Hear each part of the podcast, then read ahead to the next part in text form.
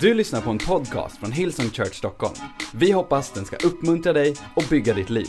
För att få mer information om Hillsong och allt som händer i kyrkan, gå in på www.hillsong.se.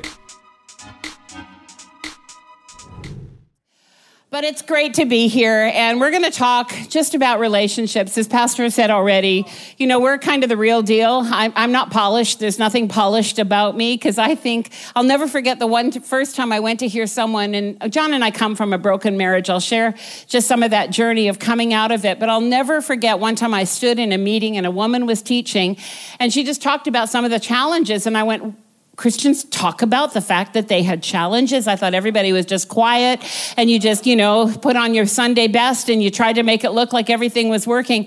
And that woman helped me more than I'll ever know because everyone has challenges. Relationships come with challenges, but the good news is that God has given us tools in His Word to overcome. So no matter where you're at today, no matter where you're going, whether you've had your heart broken, whether you are filled with dreams, because I know we have all of the above. We have people here that are single, um, we have people here that are married, and we have people here that ha- are single again. Um, we just have all of the above. And, and in this journey, I, that's what I love about church that we're just a big family and it's got all these different components of relationship. We're families. I walked in here, you guys are good at making babies. Like there's children everywhere, and I bet there's a wedding every weekend as well. And maybe we can get a few more scheduled after we're done here for a few days. But uh, I, I want to talk just around the, the fact that we can have relationships that are, that are flourishing and healthy, that we are connecting heart to heart.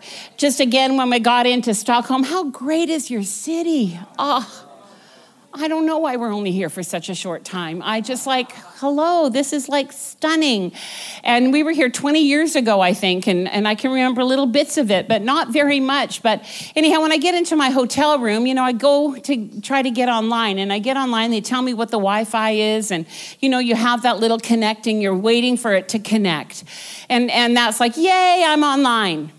And I think that's what relationships need to look like. We're connecting. It's not just we're in the same room, not just we have information about each other, but we're actually heart to heart. There's an emotional connection. There's something that's going on. And I don't mean like emotional crying and upset, but I mean a heart to heart that we're actually connecting relationally. And so what I share today is it's true in marriage, it's true in parenting, it's true in friendship, it's true in church life, it's true in business life. And so I want to speak out of just some of the things that we've learned and and hopefully they can help you. And, and the goal today is not to look at your neighbor and think, thank God they're here. They need to hear this.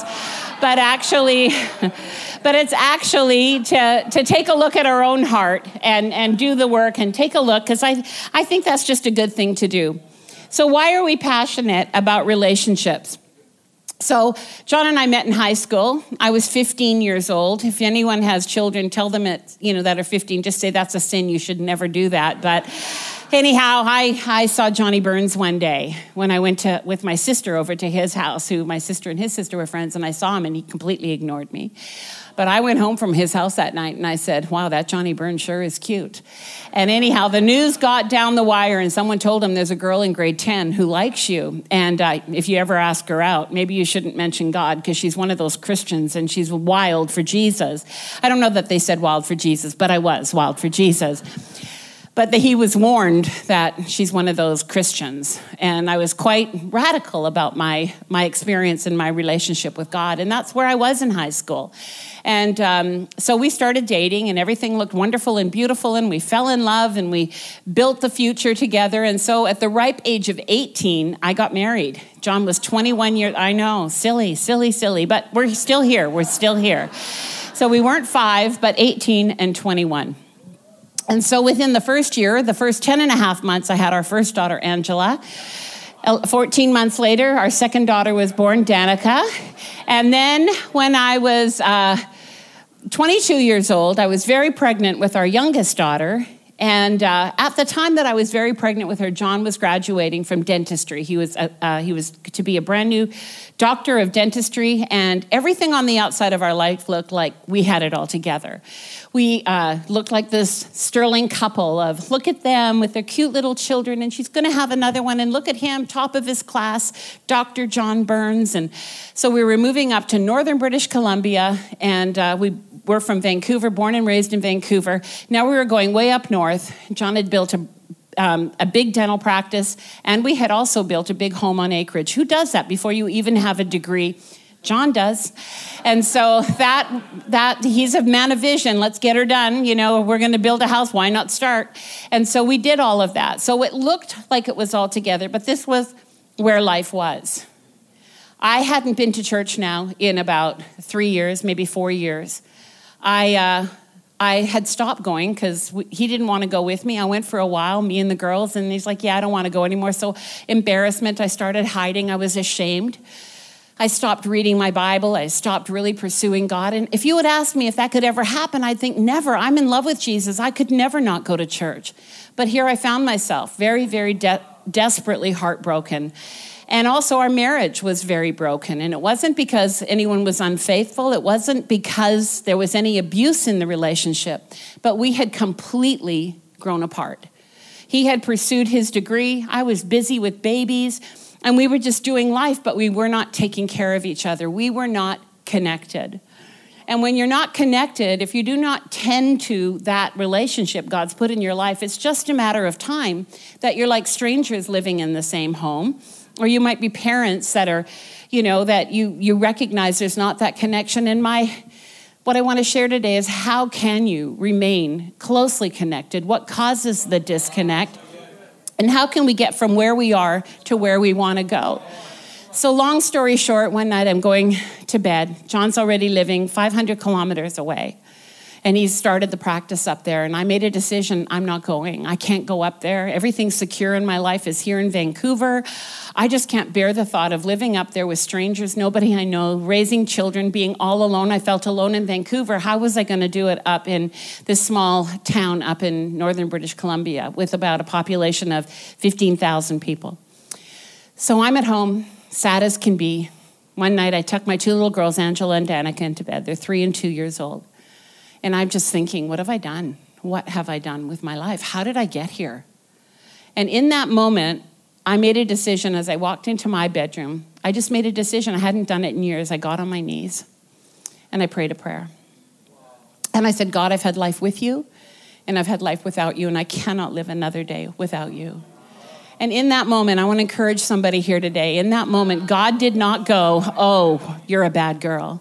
I felt the love of God pour into my heart. I felt forgiveness flow. I felt strength come back into my heart. And I can tell you that the next day I woke up and it was like the sky was bluer, the grass was greener. There was a song in my heart because of the difference Jesus made. And I had to make a decision that day. It occurred to me what if I make this choice to walk on with God, but what if John says, no, I don't want that? I made a clear decision that day. I'm going forward anyway. I was not going to stop pursuing God out of the uncomfortable sense of my marriage or trying to please somebody. I was going to pursue God with all of my heart. And if you had asked me prior to that time, so what's wrong in your marriage? I would have been convinced with conviction that it was him. I thought I was trying so hard I was doing everything I knew to do, and I had my list of complaints of what he wasn't doing right. And so now I had become hurt and bitter and disappointed, and I'd shut down and shut down and shut down. So much so that now we were like two people living in the same home for years, but not really building the future together. But that day, everything changed. I made a decision I'm going for it. I'm going to live for God with all my heart. And uh, so now John's living up north. I start praying madly. I start taking my Bible again and underlining every single scripture I could find that talked about a man of God. And I put his name right beside it John. Blessed is a man who walks in his integrity, and blessed are his children after him.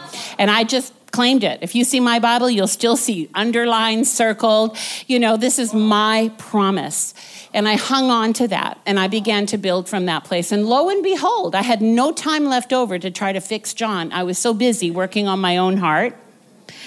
And then God began to restore. I moved up north. We got into a great church. I love church. I'm sure we pastor church today because of that church up in northern BC with about 250 people, but they saved our life. That became our community. That's where we started our first small group. That's where we led our first youth group. That's where we got filled with the Holy Spirit. That was where it all happened for us. And we've never looked back, never looked back. And so from that time to this time, God began to restore and rebuild our marriage. And I'm so thankful for that. But the tools that He began to teach us were not just for our marriage, they were for our family, how to raise children, how to connect with the people in our world. And so some of these things I want to share from you. It's very practical stuff. And there's so many things I love to teach about when it comes to relationship, but this is one that I think is core and central that helps you look at your heart, not look at everybody else's, just how am I doing in this area? So, what would define an emotionally healthy relationship? I define it as a felt closeness and intimacy with each other. Now, we love this word intimacy. Many people think, oh, that's sex. Well, it could be, but that's not what I'm talking about here. We define intimacy as into me see. You see me, I see you. We're not just walking past each other, we're actually looking at one another, building relationship together, and connecting together. And so when, when disconnect happens, it's often not a big thing, but something that doesn't get dealt with becomes a big thing eventually. That's why the Bible teaches us don't let the sun go down in your wrath. Why? Because you can't handle anger, unforgiveness, and things like that. We need to deal with our heart. And so I will start with just this blanket statement own your own relational health. Because every healthy relationship comes from a healthy you. I always think about this woman. I use her example so often, but it was very memorable. I was in California teaching a seminar. I met this woman, and she said to me, "Oh, Helen, I'm I'm I just divorced for the fifth time." And I said, "Oh, wow, what's happening?" She goes, "Oh, I just keep marrying the wrong man." And I looked at her rather soberly and I said, Sweetheart, it seems to me that you've been at the scene of the accident every single time. And she goes, You're right. And I, so, what was I telling her really? Own your own health. You do not attract what you want, you attract who you are. And so, if your heart's not healthy, you can't build a healthy future. You can look at all of the extenuating circumstances, we can look at of all the reasons, but in my own life, I could have blamed someone else, but the day had to come that I had to look at my own heart, pay attention to my own heart, let God go to work on my heart, and deal with myself. So I was someone that you could build a future with. Some people live lonely their whole lives. And it's not because there aren't people all around, people in this city or in our city, millions of people, but they're lonely. A church like this, you can come to a church as healthy as this house and still be lonely if you do not own your relational, your heart, your own health of your own relation. And pro, um, one of the scriptures that is my foundation scripture for life, it's Proverbs chapter 4 and verse 23. It says, Pay attention to your heart. Not your neighbor's heart, not your mom's heart, not your spouse's heart, your heart. Pay attention to your heart because it will determine the course of your life. So be self aware. One of the greatest things you can do whenever you're upset about something, don't deal with that, deal with this. We're often fighting what's going on out there, but really the battle started in our heart. So one translation says, pay attention to your heart because it will determine, determine the course of your life. So if you end up somewhere you think, how did I get here? Like me, I ended up in a broken marriage. I ended up backslidden. How did I get there? Because I didn't pay attention to my heart. I was too busy dealing with everything else. And God said, let me take care of your heart. And out of that heart health, now we can build a future. So, num- what causes us to disconnect from one another? Number one, you stop investing. So everything I'm going to say is duh, really obvious, but I'm going to bring it up anyhow. It's not, it's just so obvious. You stop investing. A relationship is like a bank account. And if you're de- making deposit, when we start dating, for example, oh, it's like we are making deposits. We want to get to know you. We want to spend time with you. Deposit, deposit, deposit. And often, what happens after, whether it's a, a family relationship. We can take one another for granted in our marriages, in our friendships, even our church. When you're here and you're emotional, when you're making deposits constantly into the investment of your church and, and growing it, that's fantastic. But when you start holding back, now you're now looking at it with a different eye. You're critical. You're seeing things you didn't see before. Why? Because you haven't been depositing. And we need to make deposits. And no one can make it for you. No one can make your deposit for you. You have to make an, at those deposits. And so we need to invest into the relationship. You may not leave it.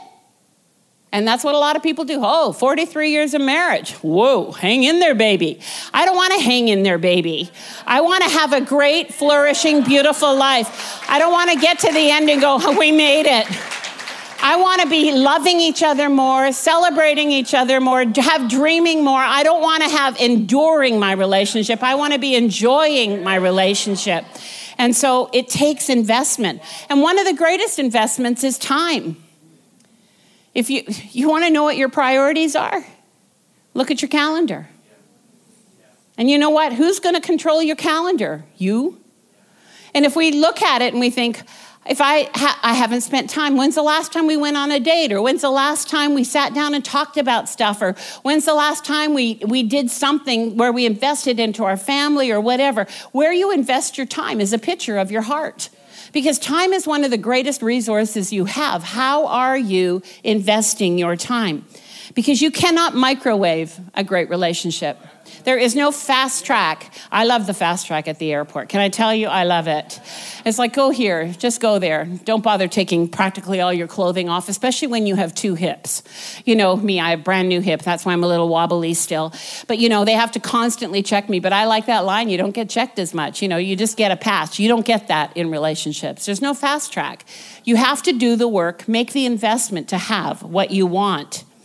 Every healthy marriage needs time time for romance, time for communication, time for friendship, because every great marriage is friendship. Every family, every parental relationship with children, it takes time. I have beautiful friendships in my life, great girls that are in my life. Well, why are we so close? Well, we've invested time. And it's not, it doesn't have to be every week we have a date, no, but we invest into each other. We check up on each other. We don't assume everything's okay, we know everything's okay because we actually invest the time. It's really the analogy of a garden. You know, you have beautiful, like driving, you know how beautiful your city is, right? Someone's taking care of the city. The grounds are beautiful. I drove by some beautiful gardens. Well, it didn't just get beautiful all on its own. Someone spends a lot of time pulling out the weeds, mowing the lawn, planting beautiful flowers. A beautiful garden is not a miracle. I think the growth is a miracle, the sunshine is a miracle, the water is a miracle, but the work partnering with all the miracle working power of God. Now we've got something that can be miraculous. Okay, what's another thing that causes a disconnect? Number two, you, you choose to harbor unforgiveness. And this again can't be overstated. As a believer, we have no no option, even if you don't believe, and I think probably almost everyone in here does, but even if you're here and say, Well, I'm not sure if I'm a believer, you still cannot handle unforgiveness. No one can handle unforgiveness. Your heart can't contain it. It's toxic for your heart, it's toxic for your relationships. And so when there's unforgiveness in your heart, nothing, nothing, nothing will create a disconnect quicker. And so if I find myself suddenly there's something going on between me, whether it's John or somebody in my world, and I'm just feeling something's there, the first thing I do is check out have I not forgiven them for something? Is there something that I'm harboring? Is there a resentment? Is there a judgment? Is there something in me that I need to uproot, take out so there can be that connection again? And it happens often very insidiously, it just sneaks in. And you need to just deal with your own heart again and get those roots out because nothing will create a disconnect quicker. Quick little analogy. I know that we all love Watoto Ministries and, and uh, Marilyn Skinner. One day I was in a room of hundreds of girls, and Marilyn Skinner, the amazing Marilyn Skinner, was teaching these girls who had really suffered unfathomable heartache and injustice. And she looked at them and she said, Girls, what do you do when a snake bites you? And they all said, almost in unison, You get the poison out. You get the venom out. She said, That's right, girls. People have hurt you, they've bit you, they've, they put poison in your heart, but it's your job to get it out. Don't go chase the snake. Let God deal with the snake, but you deal with your heart. And so I think that's a principle of life. Get the poison out, it's deadly. Number three is being unkind and unselfish. This is simply where we become very me focused. Well, I'm not happy. And if I'm not happy, I'm going to let you know I'm not happy and you're going to fix it. Well, that's just being selfish. But when we're being unselfish and we're being kind, we're focusing on we, not on me. Because every relationship takes both of us meeting one another's needs to really flourish in the relationship. And so this is where kindness comes in. And I think kindness is just one of the most beautiful things that waters the garden of relationship. It's where we do things, gestures of kindness, even when people don't deserve it, in our opinion. But we sow kindness, and the Bible's clear about that. We, you know, because we didn't get what we deserved from God. He sowed kindness and grace over us, and every healthy relationship is going to have, uh, have to have a supply of that kindness and grace walking together. Kindness opens the human heart, and it'll open any human heart.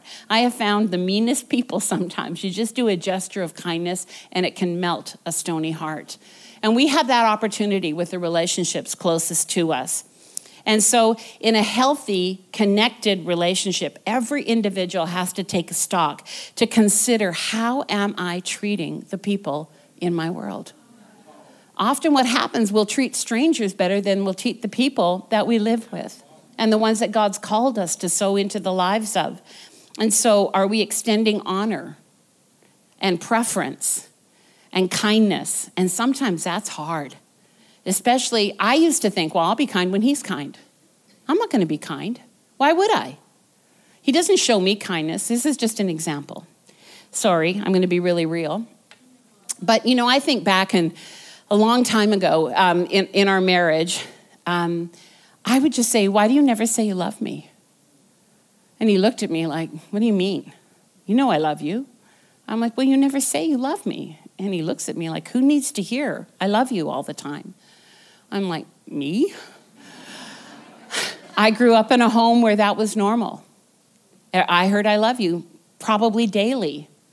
I knew that I was adored and I was loved, and I heard it often. I heard, Good job, Helen. Thank you, Helen. That was just the norm. And so when we got married, that wasn't there anymore. And I'm like, He must hate me.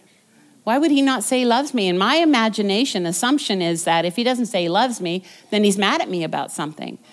And only to discover it wasn't that. He just looked at me and said, Who needs to hear it all the time? He said, You must be very insecure to have to hear I love you so often. And, and that didn't help. But he, then he said, then he said to me, if I ever change my mind, I'll let you know. And so we've come a long way. But here's the thing we have to, you have to know um, that when you sow kindness, so anyhow, I said I need to hear it, and to his credit, he's like, all right, if that's something you need, that's something I can do. And it wasn't something that came naturally for him because in his home, he never heard it once. Was he loved? Yes, that was understood. Was he thought of with, with affection? Yes, that was understood, but never expressed. So now we come together, and kindness is not doing what you want, it's doing what's best for the relationship. And so I had to, he had to discover, okay, if that's a value that matters to Helen, then I can do that. And I look now, he probably says it way more than I do.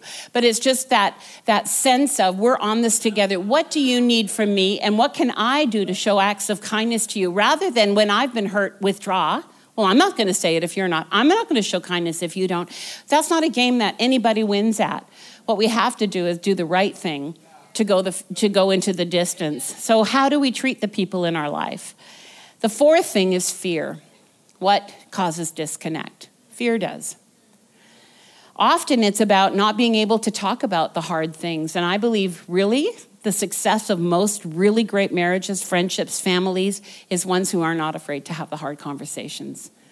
Those conversations being the ones that sometimes there's confrontational, sometimes it's a challenge. Because you know what? Even in marriage, opposites attract. They really do. But if you don't pay attention, you'll soon be attacking each other rather than that which brought you together. And so I used to think, I can't tell John. I don't want to tell him where I'm disappointed. I would just withhold affection, I would withhold kindness, and, but most of it was, I don't know how to confront you without being angry. So I'll just hold it inside. I'll just shove down all my disappointments. But you know what? That doesn't work because I became Mount St. Helens and it wasn't pretty. Mount St. Helens is a volcano, right? It, it was like a volcano just spewed and erupted and caused damage everywhere. That's who I became. I would try to hold on and I would try to stuff it. And I, why did I do that? Because I had fear of talking about the hard things. And so I just thought, you should know what I need. You should know what I, I was afraid to ask for what I needed. We have to get to a place in healthy relationships. We're not afraid to ask for what we need. We're not afraid to say what needs to be said but it's always said with a spirit of kindness, it's with the spirit of grace. But let's not be afraid. And I'm convinced all these years later, one of the things that saved my marriage was that I was willing to engage hard conversations. I think that's what's still keeping us alive and well today, and we're not afraid of them. And understanding that when you're having hard conversation, it's never about winning. I don't need to, it's not like we're going to have a talk and I'm going to win. Because if that's the goal, nobody wins. But if I'm going to have a hard conversation, I can say, let's talk about this. And both of us are going to understand each, each other better. And we're going to both win on the other side of this. And I think that's what causes strength in connection is being on the same team and knowing it. Number five is being unwilling to see what's going on. I call it denial. I think so many people live in denial in their relationships. And I liken it to a woman that I knew years ago who discovered she had a lump on her breast. And so uh, she suspected it might be cancer, but she didn't want to know. I'm just going to pray, it's going to go away. I'm a woman of faith. But sadly, she didn't tend to it. And later, it got too aggressive and it caused, you know, cancer just ravaged her body. And sadly, she died, leaving young children.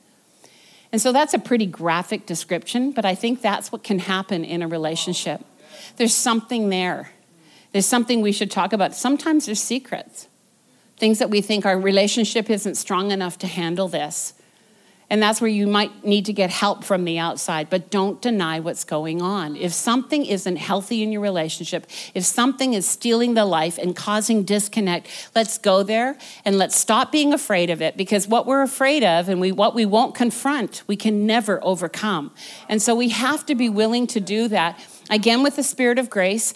But I believe, again, if you close your eyes and think, I'm just going to pray for them, that's, you know, that's not wisdom. Take a look at what's going on. See, I would rather know, give me the prognosis and then I'll know how to deal with it. Give me truth, give me all of it, and, and let me know how I can progress together. But don't deny me the right in my relationship to know what's really going on. You know, sometimes you, you may, I know of spouses who thought, you know, I know that, uh, I know that, you know, he's gambling, but I don't want to bring it up. But why don't we have money to pay for the mortgage this month? Deal with it with your children. Have good, hard conversations with them. Don't just hope that they're not doing this or hope that, that they're smart enough not to do drugs or whatever. Have the conversations. Don't go with your eyes closed and just think it's going to be okay. Have the hard conversations. It, it's the only way to do it. Just in closing, I want to talk about how do you reconnect? So, this is just some of the ways that we disconnect, and I could certainly list many more. But what do we do now if there is a disconnect for whatever reason? How do we reconnect? And that is really the goal. And the first thing you need to do is deal with your own heart first. The Bible teaches clearly about before you try to take the speck out of your neighbor's eye, take the log out of your own eye. We're so obsessed with the log in the, and you know with the speck in their eye, we can't even see what's going on in our own life. And you know, years ago, during a very difficult time in our marriage, I had a moment. an ugly moment. I was, you know, 40 years old when this happened. So it was like over 20 years ago. I've come a long way. This hasn't happened since. But even at 40, I thought, how in the world do I behave this way? And um, here we were, you know, pastors of a church. And I still remember something happened. We were driving to go grocery shopping. Something happened in that car that made me so upset. I couldn't believe that John had just said what he said. And he kept thinking, What is the big deal? Like, come on. And I remember getting out of the car. I said, Pull over. And I got out of the car. I'm 40 years old. And I just slammed the door and walked away. Well, that was stupid because I was so far from my house. And uh, here I am. Thank goodness they had invented cell phones by then. And I'm like, Taxi, I need someone to take me home. Anyhow, all of that to say that I got home and then this horrible realization I'm going to have to face this. I'm so embarrassed about what I just did. How stupid was that? If you had asked me, could you behave that badly, slam a car door and just walk out? John drove away, by the way. He was just like, fine. and you know what? I don't blame him at all. I was really, really not nice. Anyhow, I came home and went to God, had a moment with God. Well, a long moment. But this is what I'm like God, what was that? What was that? And he showed me I have unforgiveness in my heart. And it went back to a situation years before. And I felt so grateful that the Holy Spirit would show me what that anger and what that resentment, because the Bible teaches you take heed to yourself in Hebrews 12, I believe, lest a bitter root, you know, spring up and cause you trouble. Well, that's what happened to Helen, Mount St. Helens. And so that that got dealt with. And I remember coming back, repenting, saying, I'm sorry, please forgive me, and please hold me accountable. I never want to do that again. That was ugly. But what the gift in it was that I learned the value of God, if you, show me what that is. You know, there may be someone in here really struggling in their sexual relationship and marriage. And it's just a struggle, constant struggle. You know, God will show you what that is. Maybe you know what it is. It's time to deal with it. But the thing is, don't ignore it. Hope it'll go away. Deal with it. But it starts with dealing with your own heart first. Psalm 51, verse 6 is the scripture God gave me for my 40th birthday after grocery shopping with John. And it says, You desire truth in the inner being. Make me, therefore, to know wisdom in my inmost heart. Psalm 19 and 12. How can I know all the sins lurking in my heart? Cleanse me from these hidden faults. Keep me from deliberate sins. Don't let them control me. Have, and then, yeah, then I wrote down, Have you extended forgiveness? Is your heart ready and open for reconciliation? So, number two is make a plan. Make a plan. Be intentional about reconnecting. And so, if something's going on in a relationship, say, There's something I'd like to talk to you about. Is this a good time? And here's the deal it may not be the best time. And if they say, you know what, good, we'll talk, but um, this isn't a great time, just make a time. What, tomorrow? You know, Monday? When can we talk about it? And so, what it does is it honors your relationship more than the issue.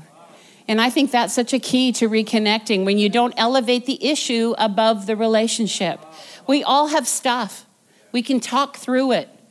And when we talk through it, the goal is to come on the same page to reconnect again. I've said this already be kind, just be kind. Do unto others as you would have others to do unto you. Kindness will melt a stony, judgmental heart. It rekindles warmth. A smile, your attitude, you know, you know what it's going to take in your relationships. Just do that. And number four, maybe one of the most important, is be prepared. This is such a principle in our relationships. It's prepare this is how we deal with stuff in staff. This is how we deal with stuff in family. So you have an issue. Everyone has stuff. And if you think, I found a problem in our relationship, you don't get a reward for that. You're not like the smartest person in the universe because, or you might go, there's a problem in the church. There's a problem. It's like, okay, we know that when you're growing and changing, stuff is happening, there's a problem. But you're not a genius for discovering the problem. However, you're very intelligent when you discover the answer. So we have a rule don't come to me with a problem unless you've invested time in prayer into the solution. And so be prepared. Come with an answer, come with a solution. I love you. I'm committed to you. I have something that I want to talk to you about that I think will make our relationship better. Not a judgment, not a pointed finger, but a solution to where we can go. So be prepared. What are your concerns? What are your expectations? What are some of the unresolved issues? Let's be prepared when we come. And the last thing is um, be real and truthful. Um, I love that John chapter 8 and verse 32 says, You shall know the truth, and the truth will set you free. Nothing can ever, good will ever come out of dishonesty. Let's be honest with each other, truthful with each other, love one another enough. Even as the Bible teaches, it says, um, wounds from a friend, a faithful friend, are better than kisses from an enemy. I want to be a faithful friend. I want to have faithful friends that are not afraid to say, Helen, can we deal with this? Can we talk about this? Because I know that relationship has potential. Because who's going to invest heart and commitment to a relationship that doesn't matter? The people who are willing to tell you the truth and walk with you are the ones who are going to be with you and keep going with you. That's a true friend you can connect for life with. All right, that's it. I'm out of time.